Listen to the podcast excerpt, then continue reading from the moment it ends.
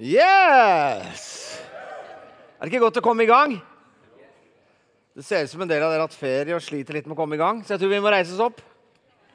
Ok? Det har vært mye prat nå om vi gjør som i morges. Vi må strekke litt på hendene.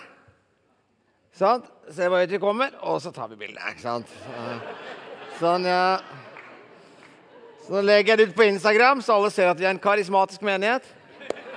Eh, vær så god, sitt. Det er jo litt rart at liksom, det er liksom, kjennetegnet på en karismatisk menighet. Er det ikke det? Ja, synes altså, Det burde vært litt mer enn det. Litt døde som står opp og litt sånn. Altså, jeg syns jo det Da begynner vi å snakke, ikke sant, Terje? Ja. Det er like rundt hjørnet, Terje. Ja, ja, ja, kom an. Det er veldig bra. Vet, Tore Thomassen han pleier å si det, han artisten, sangeren, at lutheranere de bruker liksom lim som deodorant. Men, men det har vi tatt et oppgjør med her. Eh, så det i låssangen. Mange som står med hendene i været. Og eh, som du kanskje skjønner, så er dagens tema og det er løfte hendene. Hvor mange av dere har hørt en tale om å løfte hendene? Der, ja. De som var her i morges.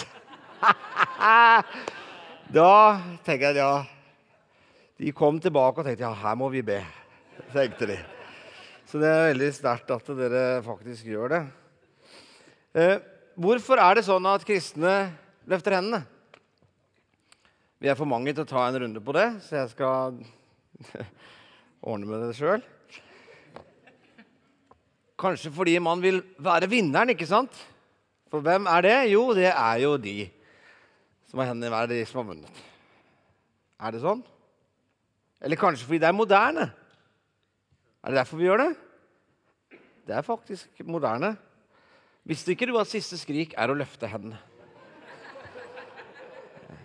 Jeg vet ikke åssen det er med deg, men uh, sånn er det jo.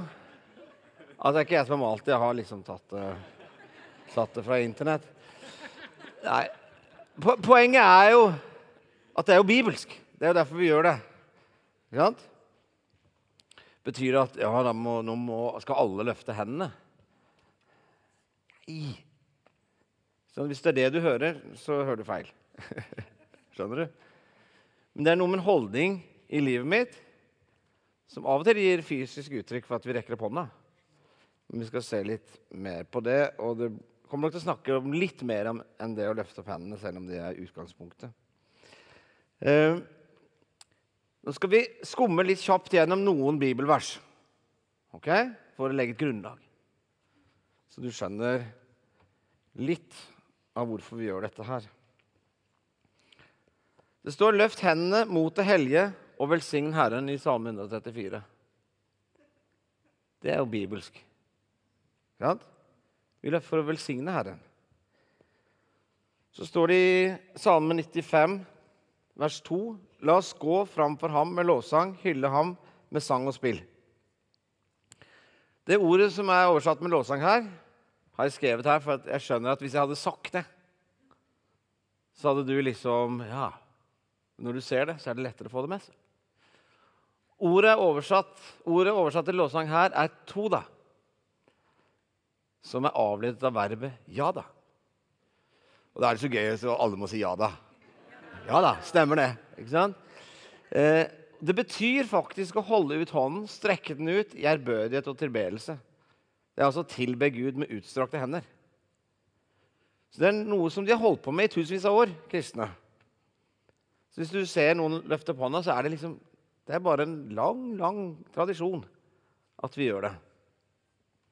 Vi løfter hendene til Gud. Dette handler ikke om oss, men det handler om Gud. Vi feirer gudstjeneste. I Estra ser vi da han åpnet bokrullen, reiste alle seg, og Esra lovpriste Herren den høyeste Gud, allherrs Gud, den allmektige.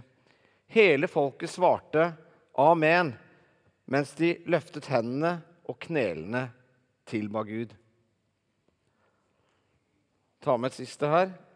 Hør min bønn når jeg roper til deg om hjelp, når jeg løfter hendene mot det aller helligste i ditt tempel. Vi løfter hendene med et rop om hjelp. Gud, her nytter ikke vår, vår kraft. Men med deg på laget så vinner vi seier. Ja? Det er fint noen ganger å kunne bruke kroppen sin til å vise noe vi mener med hjertet. Jeg er ikke jeg så veldig på dans, men i himmelen skal jeg bli veldig god. Jeg vet ikke. Jeg har egentlig ikke fått tro for det heller, vet du. Men hvis du bekjenner det mye nok, så kan det hende. Men hvor er det vi løfter hendene? Jo, mot det aller helligste i ditt tempel. Retningen er ikke uvesentlig. Vi løfter hendene mot Gud, vi peker på Jesus. Vi lever i en tid som er litt rar for oss nordmenn, fordi at vekkelsen har aldri vært så sterk rundt omkring i verden som nå noen gang. Altså, det er en eksplosiv vekst av folk som blir frelst. Vi hører Terje fortelle fra Kambodsja. 10 000 siden jul. Ok. Det er jo ganske bra. Ja, det er, det er liksom Det er noen i kirken, liksom. Vi, vi, skjønner ikke helt hva som skjer rundt omkring i verden. For vi lever i vår virkelighet hvor kirka har blitt mer og mer passiv. ikke sant? Hvor det å peke på Jesus har blitt vanskeligere og vanskeligere. Det å løfte opp hånda si på, på gudstjenesten er til og med blitt litt, litt tungt, ikke sant? For hånda blir litt ekstra tung. Altså I samfunnet vårt så, så, så, er det en annen virkelighet. Det kan være tøft å, å liksom ja, se på Jesus. Ja. Da må vi tenke skal jeg leve et liv som skal være enkelt, eller skal jeg leve et liv som har betydning? Altså Det er jo et spørsmål du kan stille. Vi kan ikke forvente at folk som ikke har hatt et levende møte med Jesus, skal skjønne hva vi snakker om. Vi må forvente at de stiller spørsmål og syns at noe av det vi sier, er rart. Men det er ingen annen vei enn ved å møte folk med det de har av spørsmål. Ikke sant? Så tenk på det med å peke på ting. Det er en del historier fra min eh, oppvekst som jeg ikke kan fortelle fra en talerstol. Særlig ikke når det filmes og legges på nett. Men jeg har funnet en som jeg kan fortelle som Som egentlig Vi har gjort mye rart. Og det verste er sønnen min er ganske lik, finner jeg ut. Mer og mer. og det er ikke bra. Men eh, Karl Johan Kan du tenke deg meg, sånn ca. 17 år, og Karl Johan i skumringen på kvelden. Det er ganske mye folk. Jeg og et par kamerater vi, nok en gang så finner vi på noe sprell. Så står vi på Egertorget, og så står vi og så, ja, Vi må prøve dette. Så begynner vi å peke på toppen av det ene bygget der. Rett over Høyer, som det er, ligger der nå. Så, så står vi og ser sånn i begynnelsen. Så begynner Nei, ikke gjør det! begynner vi å lure. Ikke hopp! Og dette, vi, vi liksom bare står der og Ja frimodig peker eh, hendene våre i været. Og så, så, begynner folk å samles, vet du. Ikke sant? Og de begynner å stå og se for å finne dette som er der oppe, som ikke skal hoppe. Ikke sant? Og så når det blir tilstrekkelig mange folk, så kan du gå. ikke sant? Så du kan si at eh, det er jo veldig gøy, men ikke gjør det. Ikke si at du har lært av meg. For det anbefales ikke. Men men det som er, da, at når vi peker på Jesus, så er han faktisk der. Ikke sant? Og han, er, han, han forvandler liv. Ikke sant? Eh, du tenker kanskje at vi måtte ha litt frimodighet for å gjøre det? Nei da. Vi var unge og dumme. Sånn er det bare. Vi må våge å være litt annerledes, ikke sant? Skal vi peke på Jesus? syns jo Johannes døperen er et sånn godt eksempel på en som uh, Nå skjedde det noe med Gry. Hva har jeg sagt om det? Jeg skal, jeg sett, begynte du på Netflix nå? Jeg må bare prøve litt kjapt her nå, så Vi må få det Jeg har lagd 25 bilder, skjønner du. Og de beste bildene er jo igjen, skjønner du. Får vi det til? Hvis ikke så må du overta Vi er på! Ha. Sant? Nå var det en del av det som ba, sikkert. Så vi fikk gjennombrudd. Var det det? Var det noen som begynte å be? Det er en veldig bra ting hvis du er kristen. Hvis det blir et problem, så kan du begynne å be. Halleluja. Ja. Tilbake til Johannes døpere. Han våget å skille seg ut. Eh, kamelårskappet. Vet du hva det står i Romerne? Det står at For jeg skammer meg ikke over evangeliet. Det er en Guds kraft til frelse for hver den som tror. Jøde først, og så greker. Det er ikke nødvendigvis sånn at folk er bevisst på jakt etter Jesus. Men alle har en gudslengsel. Og når vi begynner å så inn, så hjelper vi folk til å få kontakt med den gudslengselen. Og Det er noe av det vi faktisk er kalt til. Så skal vi bytte bilde. Godt, Jeg har lagd alle disse greiene sjøl, altså. Og så har dere ikke klappa engang. Ja. Skal vi se på en historie fra Bibelen, fra andre Mosebok, som kommer i etterkant av at Moses har delt Sivsjøen. Husker dere den historien? Ja, Hvis ikke så må du gå hjem og lese. Det er veldig spennende. Eh, og vi skal lese Jeg har her, siden det tar litt lang tid å finne det fram, kanskje, så har jeg det fått opp på veggen. Vi leser sammen. Amalekittene kom og gikk til kamp mot israelittene i Refidim. Da sa Moses til Josva.: Velg ut noen menn for oss, dra av sted og kjemp mot amalekittene. I morgen skal jeg stå på toppen av høyden med Guds stav i hånden. Josva gjorde som Moses sa, og kjempet mot amalekittene. Mens Moses, Aron og Hur gikk opp på toppen av høyden. Og Da gikk det slik til at så lenge Moses holdt hånden oppe, hadde israelittene overtaket. Er ikke det interessant? Eh, Moses sender Josva ut i krigen. Så går han, Aron og Hur, opp.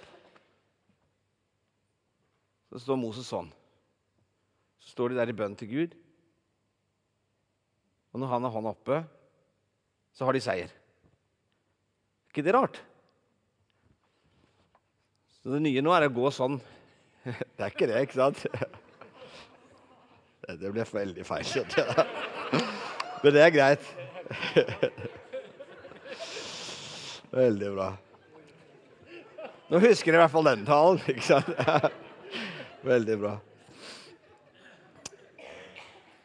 I Guds rike så går vi ikke i egen kraft. Vi går i Guds kraft, ikke sant? Eh, og det var disse folka bevisst på.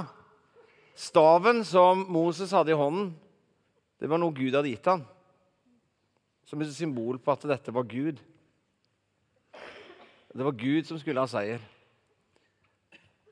Og faktisk så er kanskje noe av hovednøkkelen her at Gud hadde sagt det.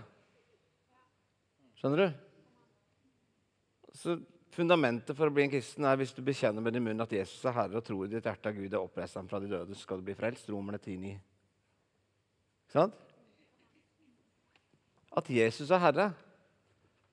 Så hele clouet her er jo at hvis Gud hadde sagt liksom Sett deg i en eller annen stilling, eller ta hodet bak Skjønner du? Og det var det som førte til at det ble gjennombrudd. Så er det noe av nøkkelen. OK, Gud, hva er det som skal til i denne situasjonen? Så ser vi at Josef, Josfa gjorde som Moses sin leder sa. De står sammen om dette.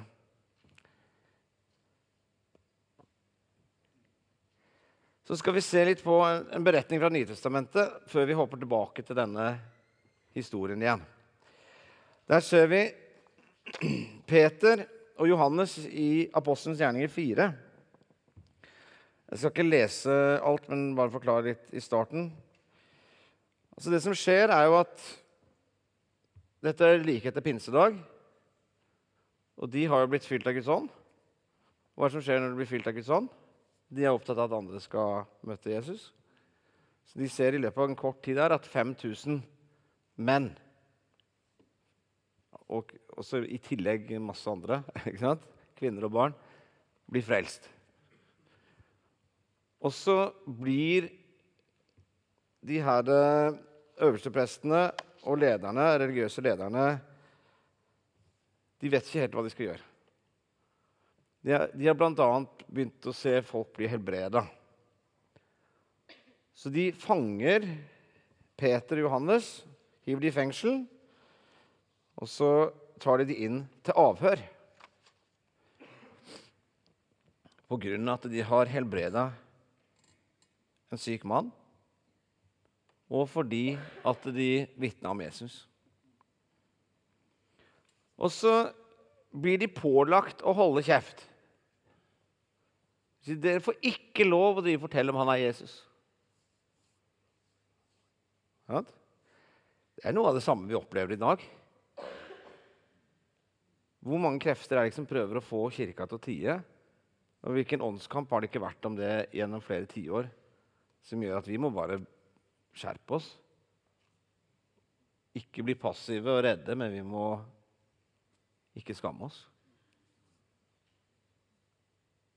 Jeg vet at Jesus forandrer liv, for jeg har opplevd det sjøl. Jeg har sett det så mye, så mye rundt meg. Sant? Så da må jeg bestemme meg for ok, det er ikke nødvendigvis det komfortable alltid som er det beste valget. Men det er faktisk det som bringer Guds rike. Så hva gjør de da, de folka her? Jeg skal lese litt om hva de gjør når de da slipper ut, har fått beskjed om å ikke si noe. Så ser vi vers 23 i Apostelens gjerninger 4. Etter at de var løslatt, gikk de til sine egne og fortalte hva overprestene og de eldste hadde sagt. Da de andre hørte det, ba de til Gud med ett sinn og én stemme og sa:" Herre, du som skapte himmelen og jorden og havet og alt som er i dem. Du lot Den hellige ånd si dette gjennom din tjener David, vår far. Hvorfor er folkeslaget i opprør? Hvorfor grunner folkene på det som er forgjeves? Jordens konge reiser seg, fyrstene slår seg sammen mot Herren og hans salvede. Ja, i denne byen slo de seg sannelig sammen med din hellige tjener Jesus, som du salvet. Både Herodes og Pontus Pilatus sammen med hedningefolkene og Israels stammer. Alle har de gjort det som du ved din hånd og din vilje hadde bestemt skulle skje. Og Så kan du lese sammen med meg inni deg. Kan Og nå, Herre, hold øye med truslene deres. Dette er responsen deres på at de skal være stille. Og la dine tjenere tale ditt ord med frimodighet. Rekk ut din hånd, så det skjer helbredelser og tegn og under ved navnet til Jesus, din hellige tjener. Da de hadde bedt, skalv stedet der de var samlet. De ble alle fylt med Den hellige ånd og talte Guds ord med frimodighet.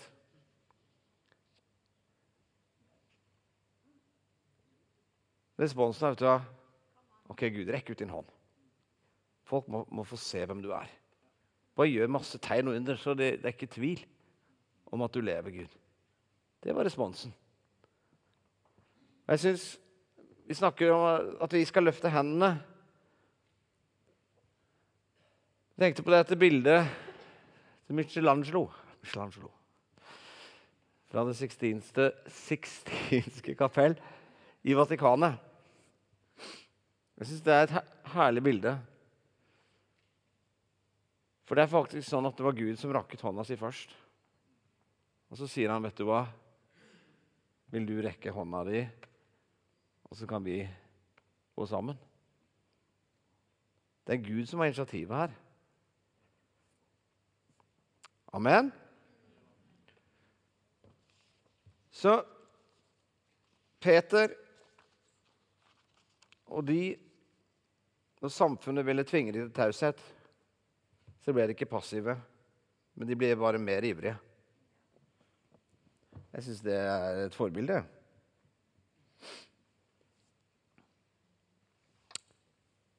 De roper til Gud, 'Rekk ut din hånd'. For du, vis dem at du er levende, og at du berører og forvandler liv. Så går vi tilbake til Moses-historien. Er du klar?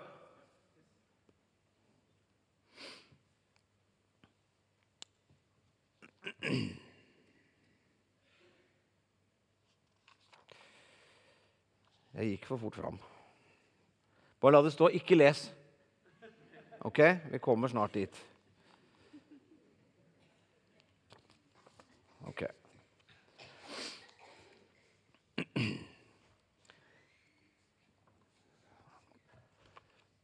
Du kan tenke deg Moses, Aron og Hur som står oppe på fjellet, og så slåss de liksom nede i dalen, Josva og krigerne. Josva kjempet, men han var ikke aleine. Han kjempet ikke alene. Det er viktig, og det er for viktig, det vi driver med, til at vi skal stå alene. Du trenger det. Josva leder tok ansvar. Han kjempet på banen. Mens Moses, Aron og Hur backet ham i bønn til Gud.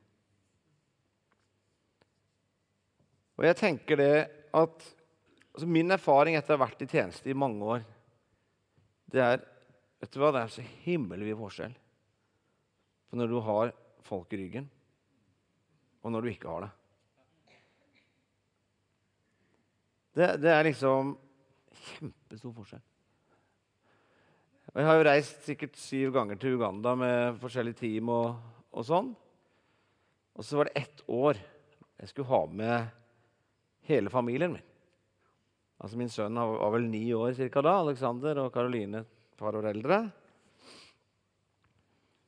Og da er det en av, en av de der top notch forbederne mine, en som bor i, i USA, som når vi da fortalte at nå skulle vi ha med familien, og vi skulle liksom på tokt eh, Det var ikke sånn at vi bare skulle gå på sightseeing, vi skulle virkelig stå på for evangeliet. Eh,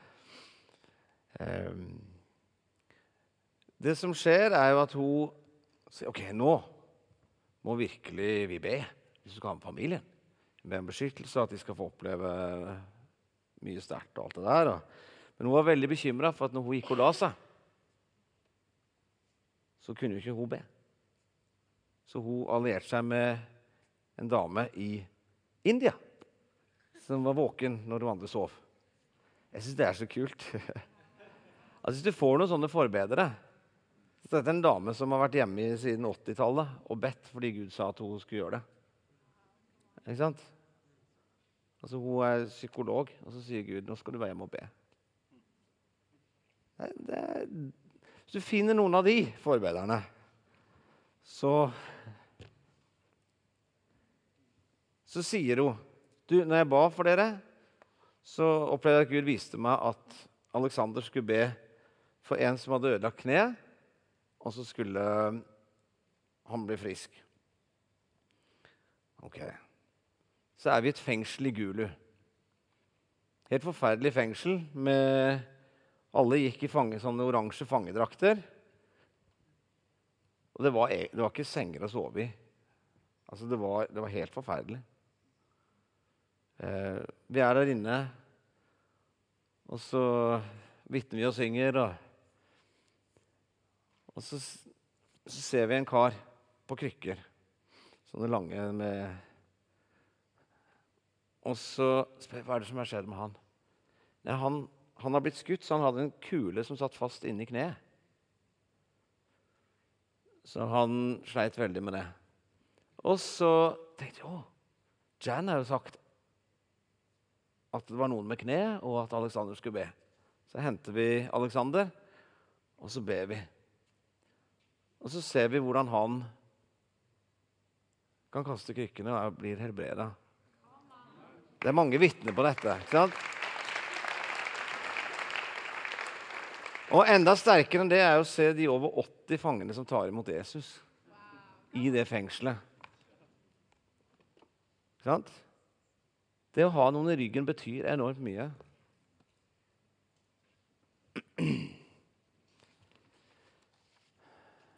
Så vi skal få lov å løfte hendene, vi skal få løfte andre. Det gjør et enormt inntrykk på meg når jeg har folk som, som Andor og Ragnhild, som 10-15 år etter at jeg hadde vært ungdomspastor i Arendal, så var vi i Arendal, og så traff vi de, og så sier de Vil bare at du skal vite at hver morgen ved frokosten så ber vi for deg og Gry. Skjønner du? Altså når du vet hvilken forskjell bønn betyr. Skjønner du? Da blir du veldig glad for sånn. I tillegg til at det er noen som faktisk står med deg. Du har noen i ryggen. Du har noen du kan sende en mail eller ringe. Nå står det på. Ok. Nå kan vi lese her. Men så snart han lot hånden synke, fikk amalekittene overtaket. Men da Moses ble trett i hendene, fant de en stein og plasserte den under ham. Han satte seg på den, og Aron og Hur støttet hendene hans, én på hver side. Da var hendene hans støe helt til solen gikk ned. Josvar slo ned amalekittene og deres hær med sverd. Er det ikke interessant? Det står at så snart han lot hånden synke, så fikk amalekitten overtaket. For meg så er det et bilde på Altså, når Forbederne mine Det var et punkt så sier Gud vet du, nå må du få flere forbedere, fordi at en del av de som har bedt for deg gjennom mange år, de har nå begynt å komme hjem til meg. det, er, det, er, liksom så enkelt som det. Så var det tid for å på en måte se, se nærmere på det. Og Det er noen ganger at du har mye framgang, og så ser du nå, nå ble det tøft. Så noen ganger er faktisk svaret at du trenger noen flere i ryggen. Sant? Når vi reiste med et sånt evangeliseringsband et år, så fikk vi masse forbedre i starten og var veldig mye hype. Og folk ble frelst. Jeg husker bare, På et par uker så var det tre som ble helbreda for astma. De løp på utsida av kirka, vet du. Helt i hundre. Noen av de var ikke frelst, liksom, men ble frelst. Det, det liksom, da kjenner du at det er, det er gjennombrudd. Bibelen sier det et sted i Forkynnerne at hvis du har en sløv øks, så må du bruke mye mer kraft. Altså Hvis den åndelige øksa vår er slipt, så er det mye lettere. Så på mange måter så er det litt opp til oss Altså, Vi lever som mennesker, sier Bibelen. Vi kjemper ikke som de gjør, for våre våpen er fra Gud. De har sin kraft fra ham til å legge festninger i grus. Alt som reiser seg mot kunnskapen om Gud. Så for oss så handler det litt om å la oss lære oss litt hva det betyr. da. I, i ditt liv. Hvilke områder er du trenger gjennombrudd på? Kanskje noe av det du skal gjøre, er å be Gud hjelpe deg å se hvem, hvem skal jeg ha i ryggen.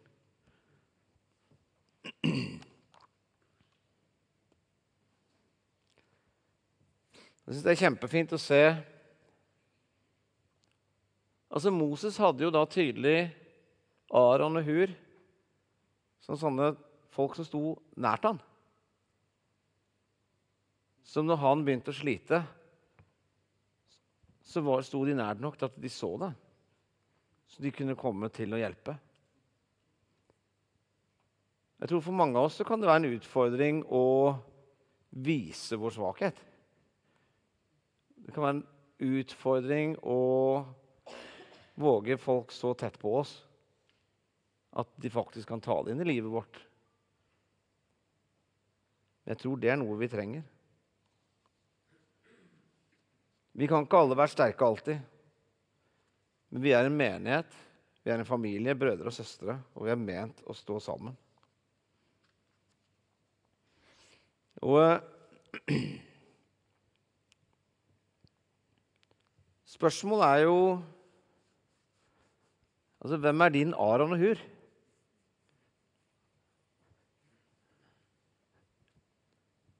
Jeg tror at Gud vil at du skal ha en Aron og Hur. Skjønner du?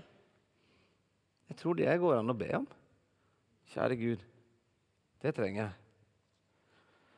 Vi trenger en hur. Jeg er litt stolt av akkurat det jeg skal si nå. En hur som når det går bra, sier hurra. Ikke sant? Og når det går dårlig, sier uh, hur morning!» Ikke sant? Altså Det er litt dårlig, Sigrid. Gry. Jeg ble helt enig Men uh, altså, noen ganger så venter vi så lenge med å spørre om hjelp at vi faktisk holder på å drukne. Jeg hørte en klok mann en gang for veldig mange år siden si at vi må lære å ydmyke vår stolthet, ellers vil vår stolthet en dag ydmyke oss. Så vi må lære å ydmyke vår stolthet, ellers vil vår stolthet en dag ydmyke oss. Noen ganger er det mye bedre for oss å bare si OK, nå er det tøft her. Enn å prøve å late som det ikke er det, og så blir bare ting kjempeille. Og så blir det helt åpenbart for alle. Yes. Går det bra med oss? OK, så bra. Kom an. Det er bra.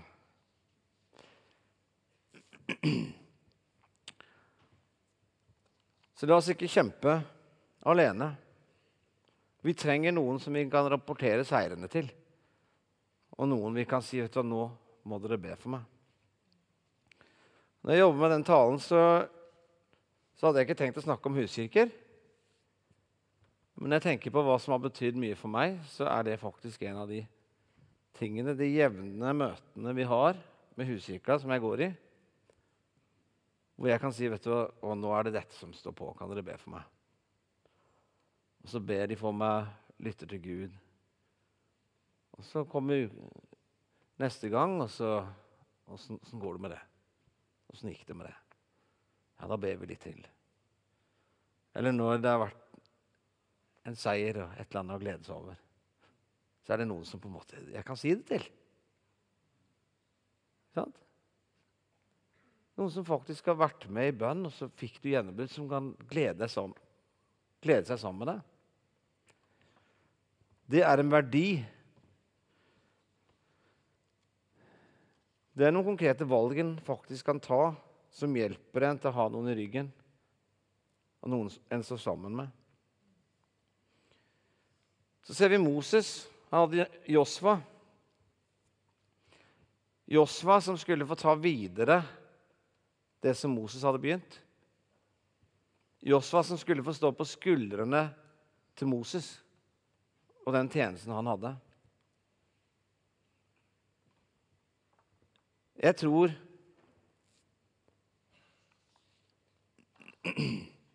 Jeg tror ikke Moses sto på fjellet der og Å, søren Gud, nå satte meg her til å be.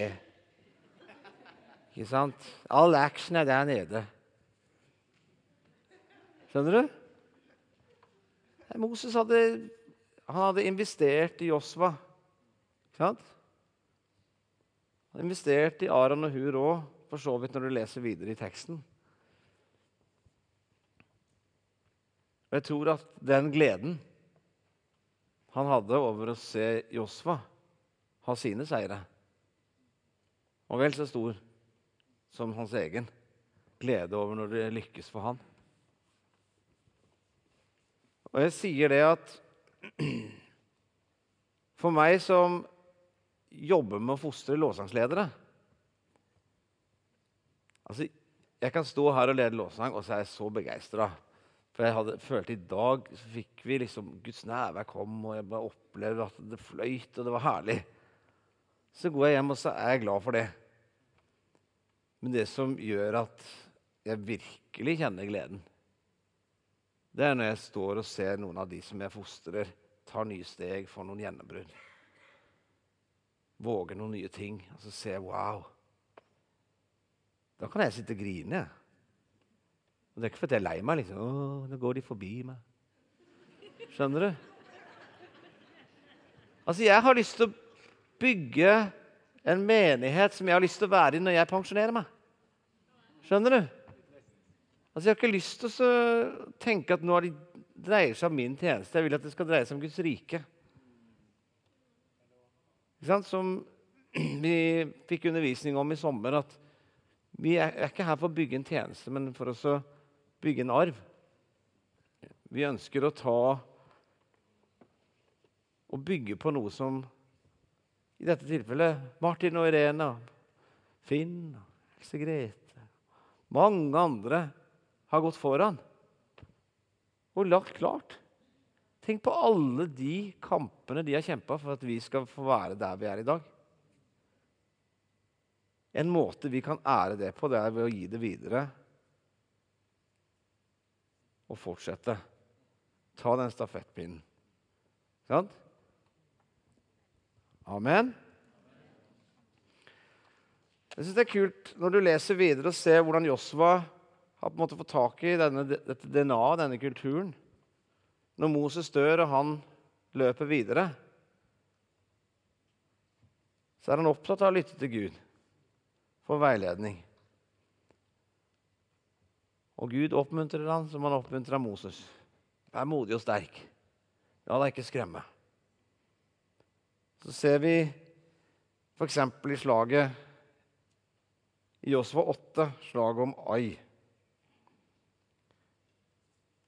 Du nesten skulle tro det var Moses vet du, som gjorde dette. Da sa Herren til Josva, rekk sabelen du har i hånden, ut mot Ai, for nå vil jeg gi byen i dine hender. Josva rakte sabelen han hadde i hånden, ut mot byen. Så når han løfter hånda si, så ser vi hvordan slaget Så har de seier. Så ser vi etter at det fra vers 18 og helt til 26 Det får være grei at jeg ikke leser alle versene. Du kan lese den hjemme hvis du er interessert. Så står det at Josva trakk ikke den utstrakte hånden med sabelen tilbake før han hadde slått alle innbyggerne i Ai. Så han òg sto der med hånda si i været. Nå vet jeg, tror ikke det er hovednøkkelen. Men jeg syns det er fantastisk at vi i dag kan sitte og snakke om disse heltene. Mange tusen år etterpå. Om Josva og og tenke Hva er det som gjorde de til at vi faktisk står og prater om det i dag? Snakker vi om Josfa fordi han hadde Moses i ryggen? Si nei. Nei. Vi snakker om Josfa primært fordi han hadde Gud selv i ryggen. Og at Gud hadde rekt ut sin hånd, og så hadde Moses sagt ja. Og så hadde Josfa lært Guds veier, og så hadde han sagt ja. Så hadde han strekt opp sin hånd. Det er derfor vi snakker om han i dag. Og det er det Martin har gjort. Ja. Det er det som gjør at Guds rike går fram. Gud har rekt ut sin hånd. Er ikke det sterkt? Og det er ganske sikkert at han har rekt ut sin hånd over Imi-kirka. Hvis du var i tvil. Det er fantastisk å få være med og se hva han gjør. Og Kanskje du tenker jeg har ikke så mange forbedere. Skal du vite at du har Gud selv i ryggen. For i brevene 7 så står det derfor kan han også fullt og helt frelse den som kommer til Gud ved ham, fordi han alltid lever og går i forbønn for dem. Gud selv går i forbønn for deg. Om alle skulle svikte, så gjør ikke Gud det. Det er Gud som er kilden til liv, kraft og gjennombrudd. Som mennesker så kan vi hjelpe hverandre, men det er bare Gud som forvandler livet ditt, setter deg på fri på innsida. Og det er bare Gud som kan snu de umulige situasjonene. Så ikke bare har Gud ryggen din, men han vil også lede deg og gi deg et meningsfullt liv. Et liv som har utgangspunkt i hvem Gud skapte deg til å være. Og så skjer det igjen. Vi bare tar det av. Du kan sette på det der eh, bildet Du kan overta styringa, Hanne. Vi gir Hanne en applaus. Ja.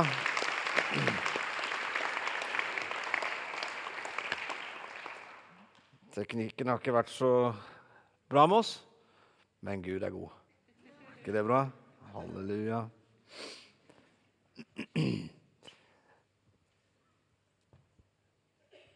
Det står i Bibelen Rop til meg, så vil jeg svare deg. Jeg vil forkynne deg store, ufattelige ting som du ikke kjenner. Gud oppfordrer oss til å koble oss på Han, til å rope til Han, til å strekke våre hender til Han i møte med Hans hånd. Det kan godt hende at du hører jeg snakker om dette, så tenker du ja, jeg vet ikke egentlig om Jeg er en kristen. Jeg vet ikke om jeg egentlig har tatt imot Jesus. Så det er utgangspunktet for alt jeg snakker om her. Når jeg var 13 år, så tok jeg imot Jesus. Eh, på en måte hvor jeg fikk et personlig møte med han. Som gjorde at siden da så har det jeg har vært opptatt av, det har vært å leve for Jesus. Fordi at det var så sterkt at jeg vet at jeg kan ikke velge noe annet. Jeg har bare lyst, Før vi går mot avslutning, til bare å si vet du hva? Kanskje du er usikker på det. Kanskje du aldri har tatt imot Jesus. Så jeg har lyst til at vi bare skal be for deg. Hvis vi alle Jeg kommer ikke til å be noen til å komme fram, eller noe, men du kan gå til forbønn etterpå hvis du vil, og, og gi deg til kjenne der. Så har vi en noen ting du kan få, som kan noen ressurser som kan være til hjelp, og noen du kan prate med. Men vi utfordrer deg til å, du, å ta imot Jesus. Og vet du hva som er så utrolig bra? At når Gud rekker ut sin hånd til deg, så sier han ikke 'Her har du en liste over alt du må få i orden i livet ditt'. Gud sier, 'Vet du hva? La meg få lov å fylle deg med mitt liv. La meg få lov å vise deg min nåde og kjærlighet. La meg vise at jeg tåler deg, ikke bare tåler deg, men jeg liker deg. Jeg elsker deg så høyt at jeg gikk i døden for din skyld. Det er sånn Gud møter deg. Og så sier du ja til det. Og så hviler det ikke på gjerninger, står det i Bibelen. Det hviler bare på nåde. For at ingen av oss skal ha noe å skryte av. Bibelen sier at uansett hvor prektig du prøver å leve, så har du ingenting å skryte av. For alle kommer vi til kort. Så hvis du har lyst til å gå hjem i dag og vite I dag vet jeg jeg vet at jeg er frelst. Så er det så enkelt som at du kan løfte hånda di. er ikke det bra? Og så kan vi be en bønn sammen hvor alle kan være med å be.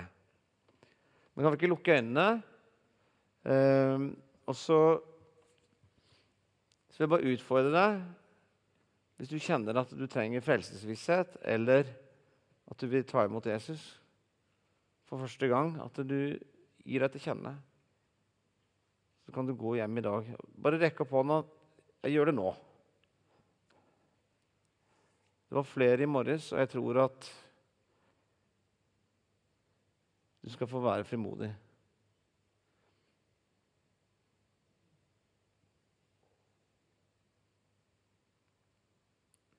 Bare hold hånda opp litt, så jeg ser.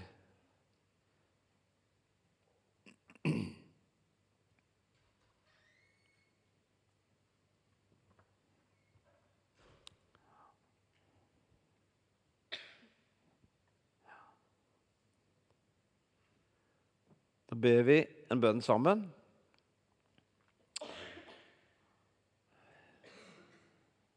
Og Hvis du vil, så kan du bare repetere etter meg.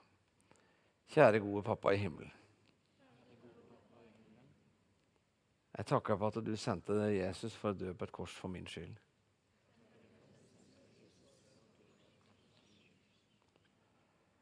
Jeg bekjenner at jeg vil at du skal være herre i mitt liv.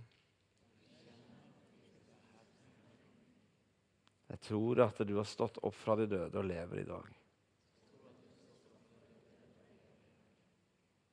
Jeg takker deg for ditt ord som sier at alle den som tok imot ham, gav ham rett til å bli Guds barn.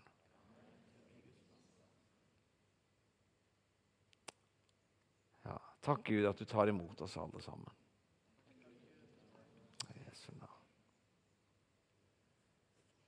Bare oppfordre deg til å Når vi innbyr til forbønn etterpå, bare si vet du hva Jeg kunne tenke meg noen ressurser i forhold til dette, så, så får du det der.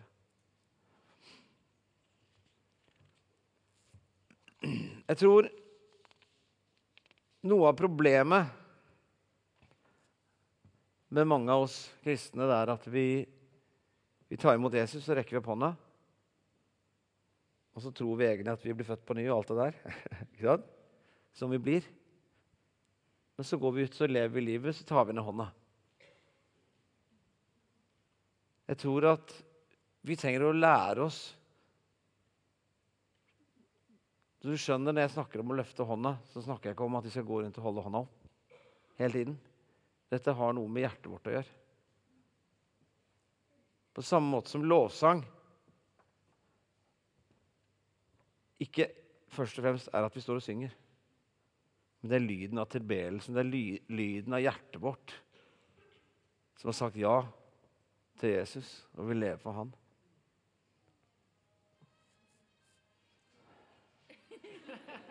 Det er sterkt, vet du. Altså, det er fest i himmelen når folk tar imot Jesus og velger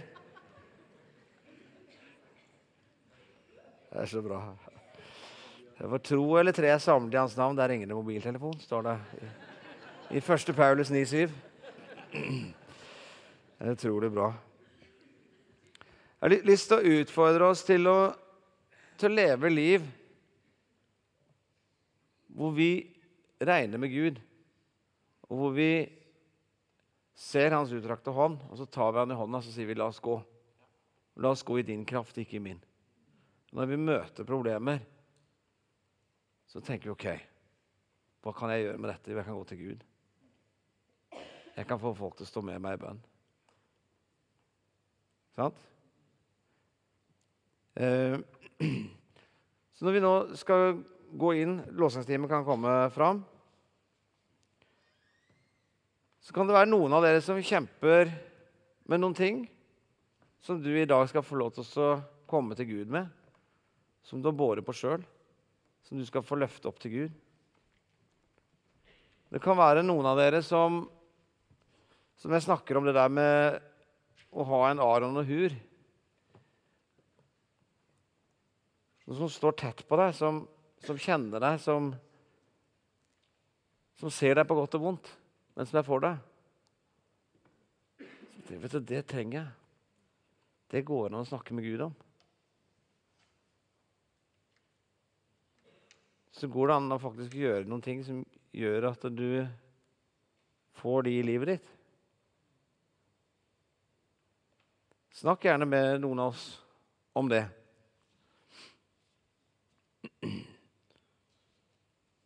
Så kan det være at du er en sånn som som egentlig jeg har veldig lett for å være, som er litt vanskelig for å spørre om hjelp. Det er ikke så bra, det. Skjønner du? Det er fryktelig godt å bare kunne si, 'Vet du hva, nå trenger jeg faktisk hjelp'. For Det gjør at folk kommer tettere på deg. Det er ikke de som, som, bare smiler til meg, som jeg føler at jeg kjenner best. Det er noen ganger de som har kjefta på meg, og som har vågd å være ærlig, og som, som jeg har vågd å være ærlig med. Ikke Sant? Og Så vil jeg òg utfordre deg til å snakke med Gud om hvem dine Josvar er. Det er en ny høst nå. Hvem er det du skal få lov til å investere i? Som du skal få lov å invitere noen ekstra ganger til middag. Som du skal få be for, som du skal få lytte til Gud for. Som du skal sende et bibelvers. De kjenner vi har noen i ryggen. Hvem er de? Og jeg tror faktisk at det er en nøkkel i Guds rike. For et prinsipp i Guds rike er gi, så skal du få. Så I Guds rike så er det litt sånn at hvis du har lyst på en Aron og Hur, så finner en Josfa. Sant? Det er sånn, litt sånn prinsippet. I Imen, når vi hadde dårlig økonomi, så fant vi ut ok, da begynner vi å gi ut alle kollektene våre. For Bibelen sier 'gi, skal du få'. Og så ordna det de seg. Og det gir jo ikke mening. Ikke sant? Men hvis du har lyst på en Aron og Hur, så tenk hvem skal jeg få investere i? Det er en av de tingene du faktisk kan gjøre.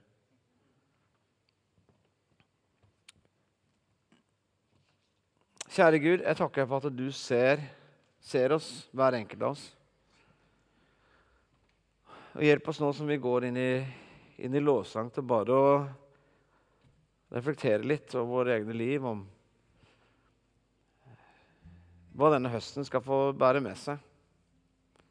Vi ønsker å være folk som står sammen, som kjenner hverandre som en familie, som har ryggene til hverandre, som heier på hverandre, som investerer i hverandre. Og Hjelp oss at det ikke bare blir fine ord som høres bra ut, men at det blir konkret, at det blir mennesker med navn, at det blir kjøtt og blod.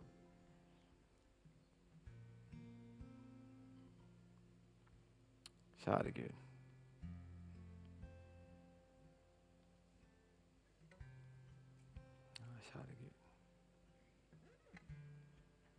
Ja, kom, Hellige Ånd.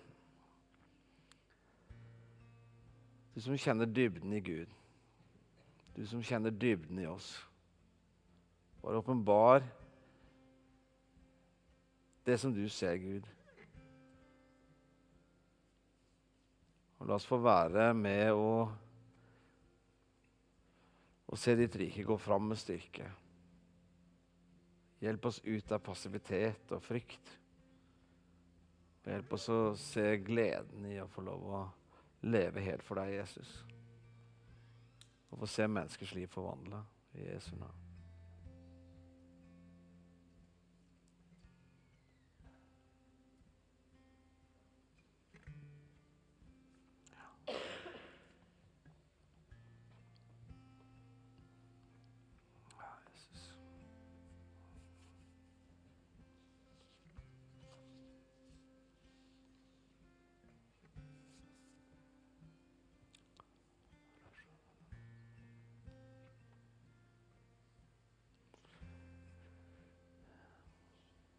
Vi kan reise oss opp.